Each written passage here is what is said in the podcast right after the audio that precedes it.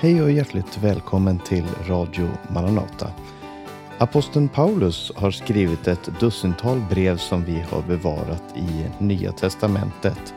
Det sista han skrev var till Timoteus och det kallas för det andra Timoteusbrevet. Eh, det brevet handlar om hans sista hälsning och beskriver där vad aposteln själv anser som det allra viktigaste. Och det här brevet det ska vi tala om idag när vi ger några nycklar till andra Timoteus brev. Jag heter Paulus Eliasson och det här är Radio Maranata.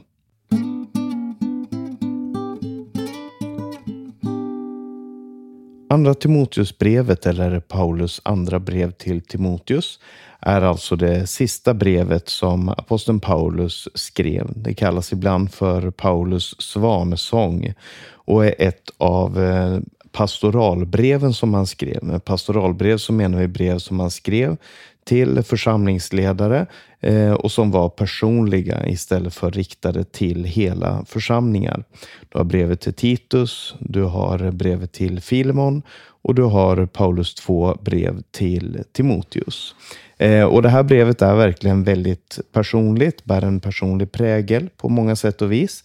Eh, med hälsningar och med Eh, personlig appell och så vidare.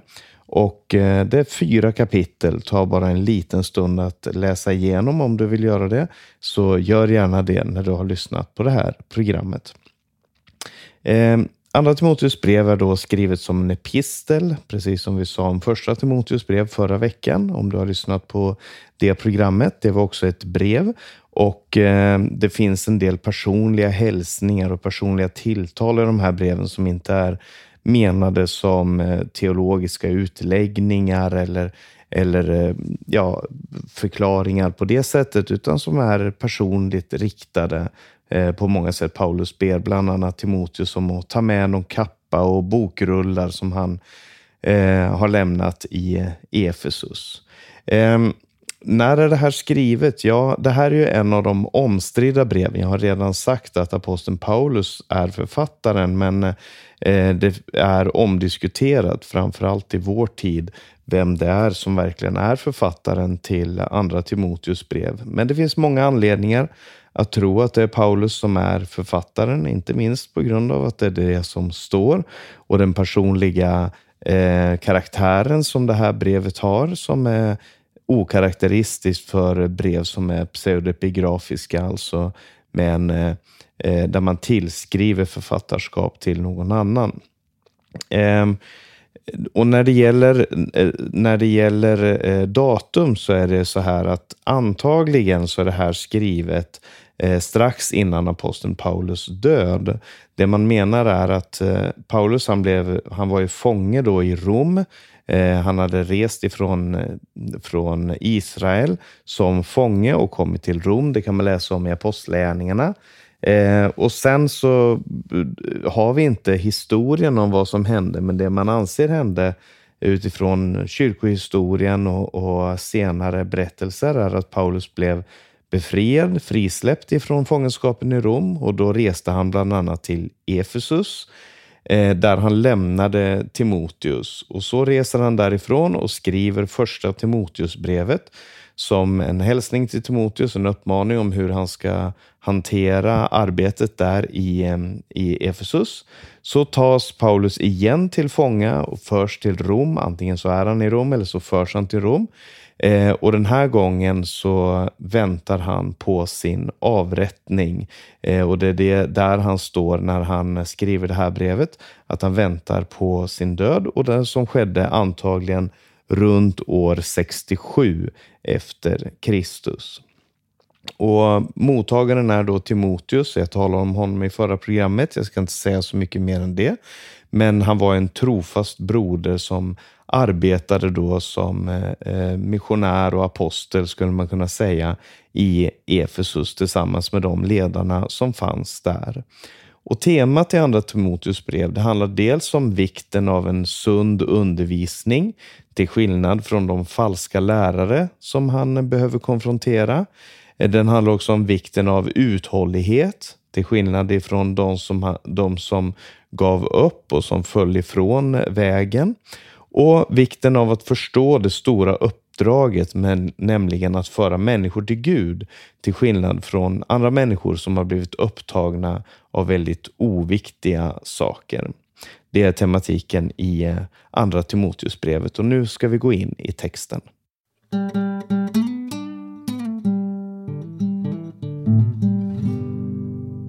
Andra Timoteus börjar med en personlig hälsning och så i den åttonde versen i det första kapitlet så står det så här. Skäms alltså inte för vittnesbördet om vår Herre och inte heller för mig som är hans fånge, utan bär också du ditt lidande för evangeliet genom Guds kraft. Och flera gånger i Andra Timoteus brev så nämns det här med att skämmas. Paulus säger, jag skäms inte. Han säger om en broder som kom och besökte honom att han skämdes inte för mina bojor. Och här säger han då att man inte ska skämmas för vittnesbördet om vår Herre och inte heller för aposteln Paulus som hans fånge. Och varför talar han om det här? Jo, därför att han ser en korrelation, ett sammanhang mellan eh, sin egen situation och det som evangeliet var i sig själv. Därför att Paulus, han var i bojor ännu en gång.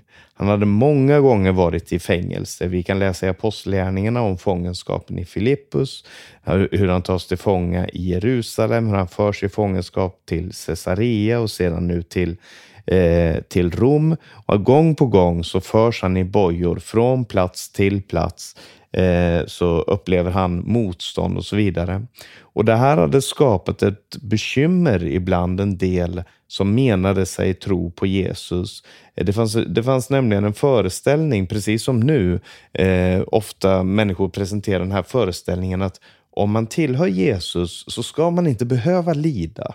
Och om man tillhör Gud så ska man inte uppleva motgångar, utan Gud ska bevara alla de som tillhör honom.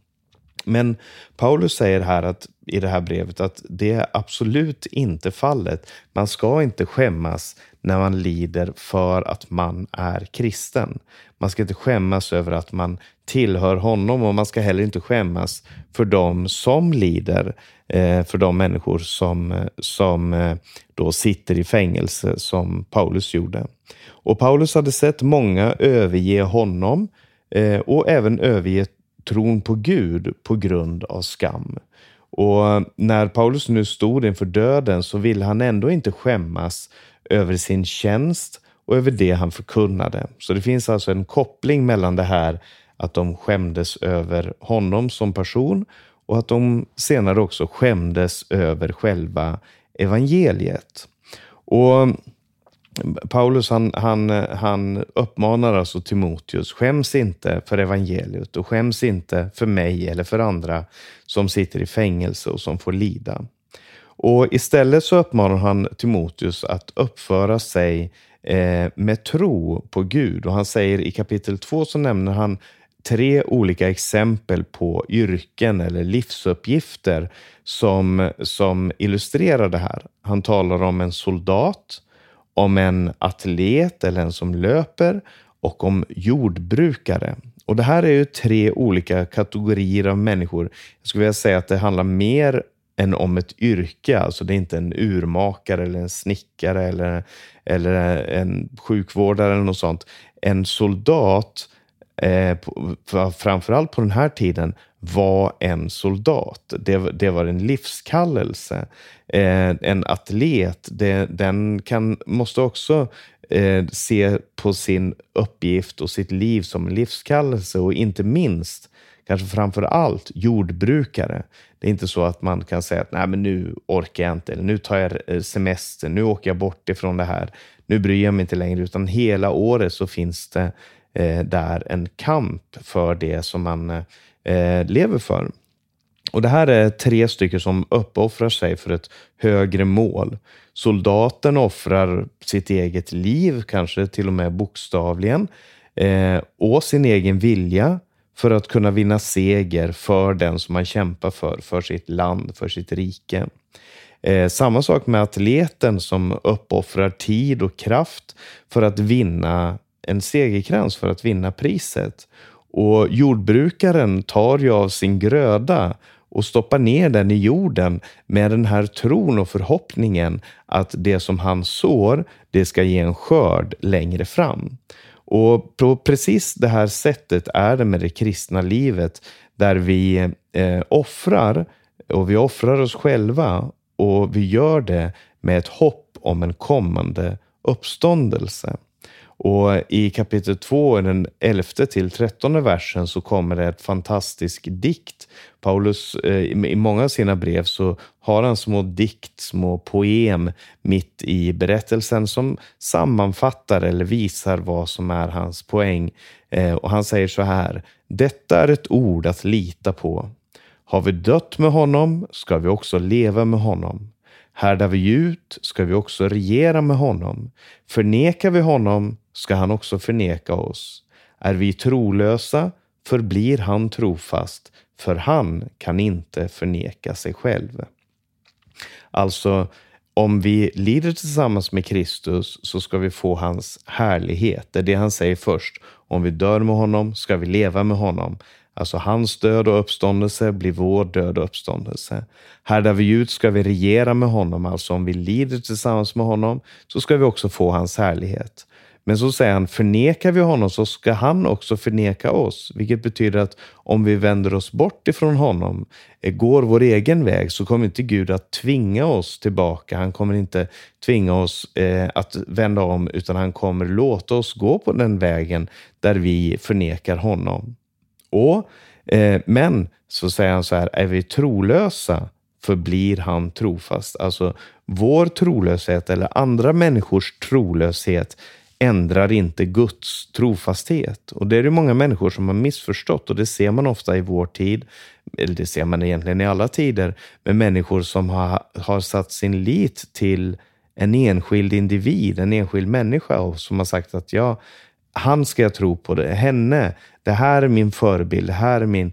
Eh, och så är de här människorna trolösa. Och då när man ser att ja, de faller, de gör inte det som man har tänkt, de är inte så goda som man en gång trodde, då faller man bort ifrån Gud. Men han säger här att om vi är trolösa så förblir han trofast. Så det här är eh, den första delen i Timoteus, eller det ena temat som han talar om i Timoteus, som handlar om vår kallelse.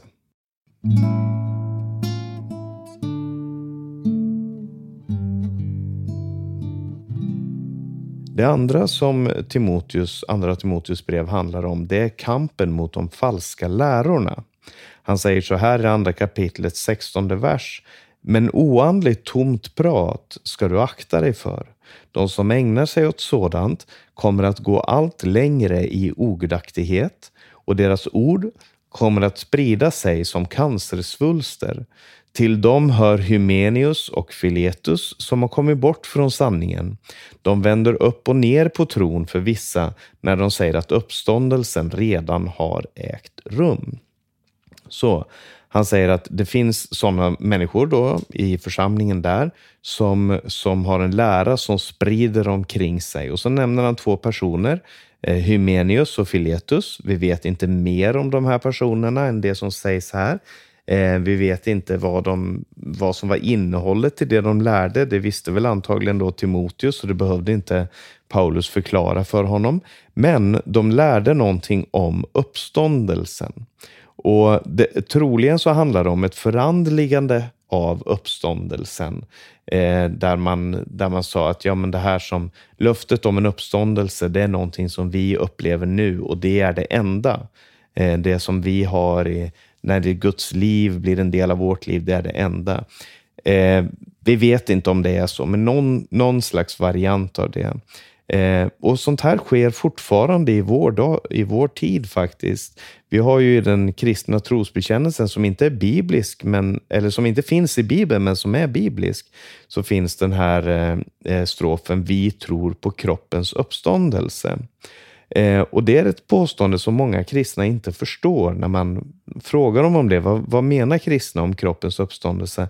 Därför att vi ofta har en, en föreställning om att uppståndelsen är någonting uteslutande andligt. Vi ska leva tillsammans med Gud i, i all evighet. Vi ska, eh, och så har man den här föreställningen att eh, himmelen är ett slags icke, en icke-kroppslig plats. Där. Men, men Bibeln lär väldigt tydligt att vi tror på kroppens uppståndelse, en fysisk uppståndelse med en härlighetskropp.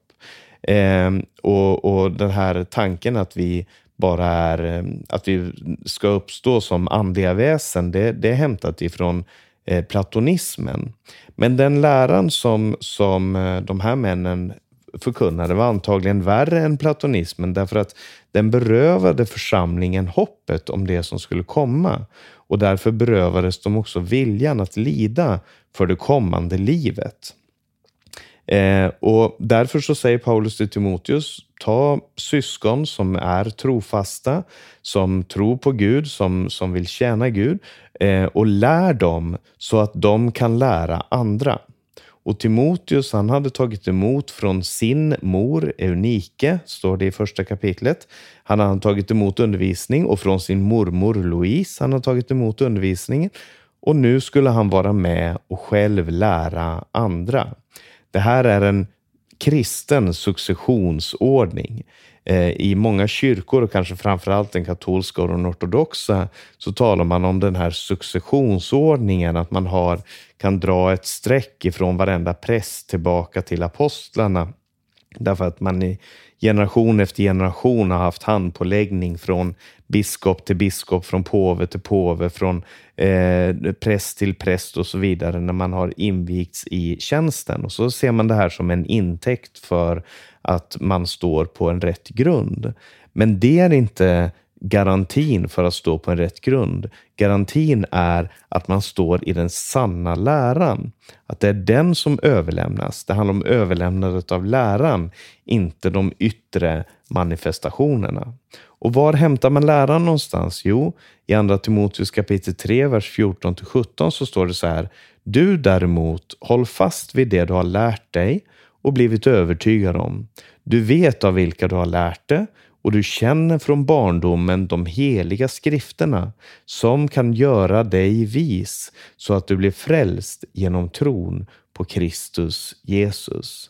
Hela skriften är utandad av Gud och nyttig till undervisning, tillrättavisning, upprättelse och fostran i rättfärdighet. Eh, eh, så att gudsmänniskan blir fullt färdig, väl rustad för varje god gärning. Här talar han om att hålla fast vid det man har lärt sig. Och han säger, du vet av vilka du har lärt dig det. Det var trofasta syskon, det var hans familj, det var syskon, det var aposteln Paulus och andra som hade undervisat i det här. Och så säger han, du vet av vilka du har lärt dig det och du vet vad du har, eh, du känner de heliga skrifterna. Så att det är på skriftens grund, alltså det som de kallar för Gamla Testamentet, de hebreiska skrifterna. Eh, de kallar det inte för Gamla Testamentet, vi kallar det för Gamla Testamentet. De kallar det för skrifterna. Eh, och Det är de som kan göra dig vis så att du blir frälst genom tron på Kristus Jesus. Hela skriften, säger han, är utandad av Gud. Och det handlar om vad skriften är för någonting, dess natur eller dess väsen utandad av Gud. På grekiska så är det här ett ord, theonustas, som betyder Guds utandad.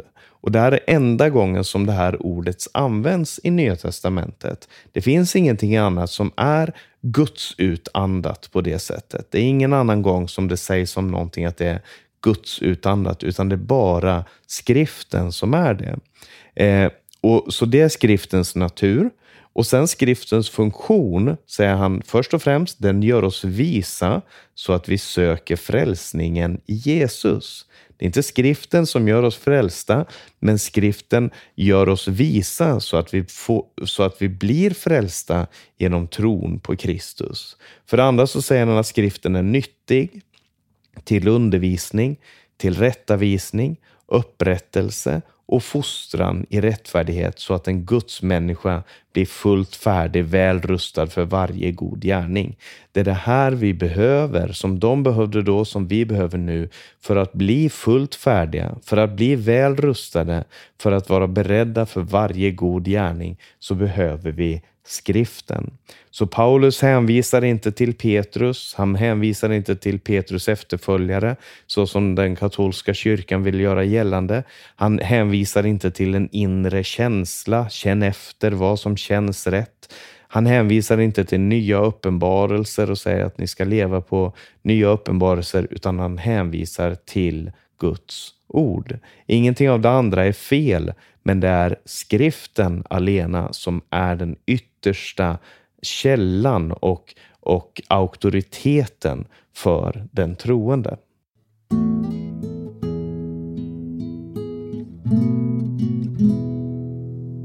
Till slut i Andra Timoteus brev så kommer aposteln Paulus avslutande hälsningar i kapitel 4.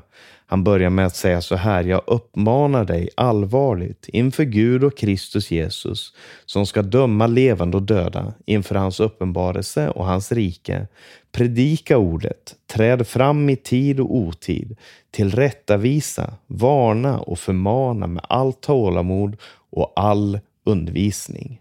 Det här är aposteln Paulus avslutande hälsning och hans avslutande uppmaning. Alltså när, när man står inför döden, när man vet att man ska dö, när man vet att man aldrig kommer tala till en människa igen, då, då säger man det som man menar. Det här är det viktigaste. Och nu säger han, jag uppmanar dig allvarligt inför Gud och Kristus Jesus, inför hans uppenbarelse och hans rike.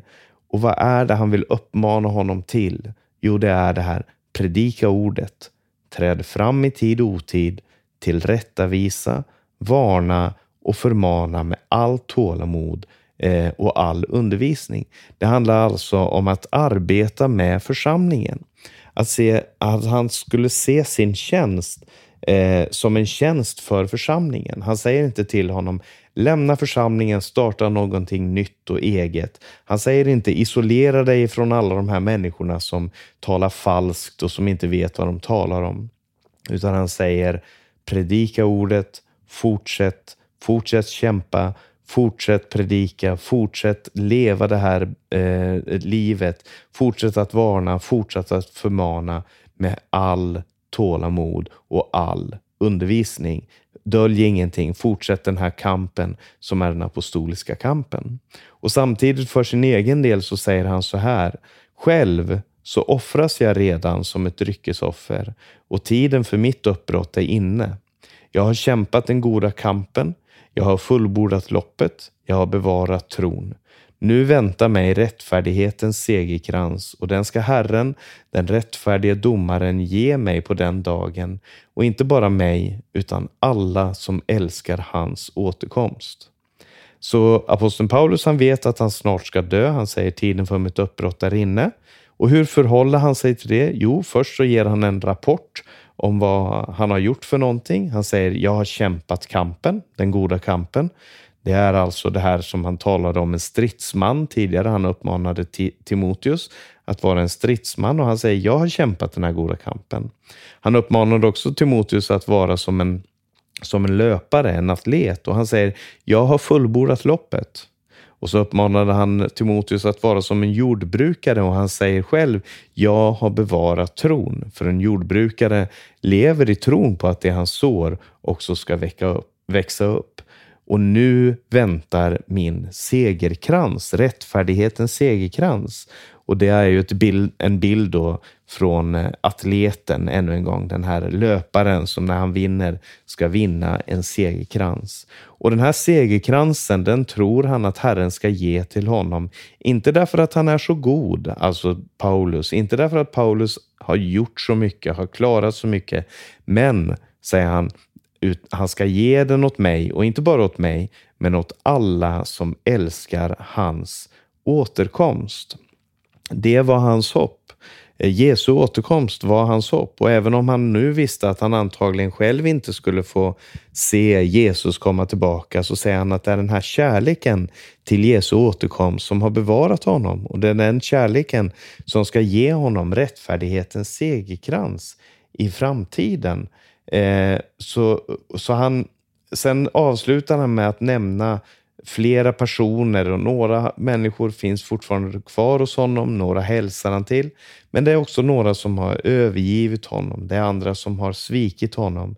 Men så säger han, men Herren hjälpte mig. I alla de här situationerna och det är någon som har sagt det att det är bara när man eh, det är när man bara har Jesus kvar som man vet att Jesus är det enda man behöver. Och det upplevde aposteln Paulus i den här situationen. Det var människor, det var i och för sig vänner och, och så, som, men de hade lämnat honom, antingen för att tjäna Gud och åka ut och missionera, vilket han var glad för, eller av skam och för att de skämdes över honom, vilket han naturligtvis var ledsen för. Men i allt det här så säger han, Herren hjälpte mig och Herren ska också rädda mig från alla onda anslag och frälsa mig till sitt himmelska, himmelska rike. Hans är äran i evigheters evigheter. Det är budskapet i eh, Andra Timoteus brev. Så det vi har sett idag är hur aposteln Paulus i sin sista hälsning till eh, broder Timoteus så uppmanar han honom att leva för Gud, att eh, eh, följa sin kallelse, att lida för Kristus och inte skämmas varken för evangeliet eller för det faktum att man får lida för evangeliet. Det är den ena delen i det han förkunnar. Den andra delen handlar alltså om den här kampen mot de falska lärorna. Eh, och han säger, men du ska hålla fast vid det du har lärt dig. Och var har du lärt dig det ifrån? Jo, ifrån skriften. Och det är det som vi tror på, det är det vi håller fast vid och det är det som, vi, som är aktuellt även för oss idag. Amen. Det var det jag hade att säga om Andra Timoteus brev idag. Vi ska alldeles strax lyssna på sången Genom tron.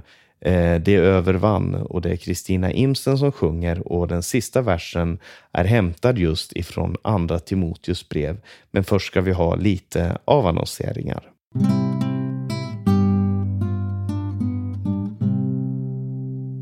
Du har lyssnat på en podcast från Radio Maranata med mig, Paulus Eliasson. Det här programmet har sänts över Stockholms närradio 88 MHz och Örebro närradio 95,3 MHz. Sprid gärna det här programmet till andra också. Om du har några frågor eller kommentarer så kan du skicka en e-post till info maranata.se eller ring 070-201 60 20. På vår hemsida maranata.se så kan du höra de här programmen, läsa tidningen Minasropet och se också Radio Maranatas övriga sändningstider. Sprid Guds välsignelse till alla eh, och på återhörande.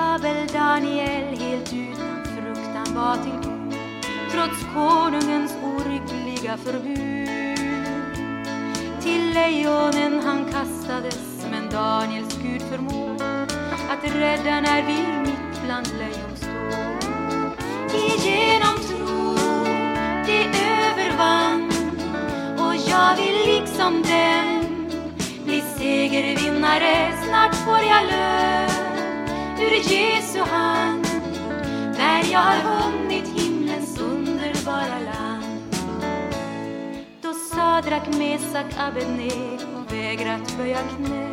För bild stod den som konungen befall. Det kastas in i ugnen, men Jesus är då där och skyddar sina barn som han har kär. Igenom tro det övervann och jag vill liksom dem bli segervinnare, snart får jag lön över Jesu hand när jag har hunnit himlens underbara land. Och Goliat så stor och stark med hån och djupt förakt förlöjligar den Gud som har all makt. Då David fylld av trosvisshet med slungan slår ett slag och fienden får död och nederlag. Igenom ska vi liksom dem bli segervinnare. Snart får jag lön ur Jesu hand när jag har hunnit himlens underbara land. Jag kämpar vill den goda kamp och fullborda mitt lopp och tjäna Jesus troget utan stopp.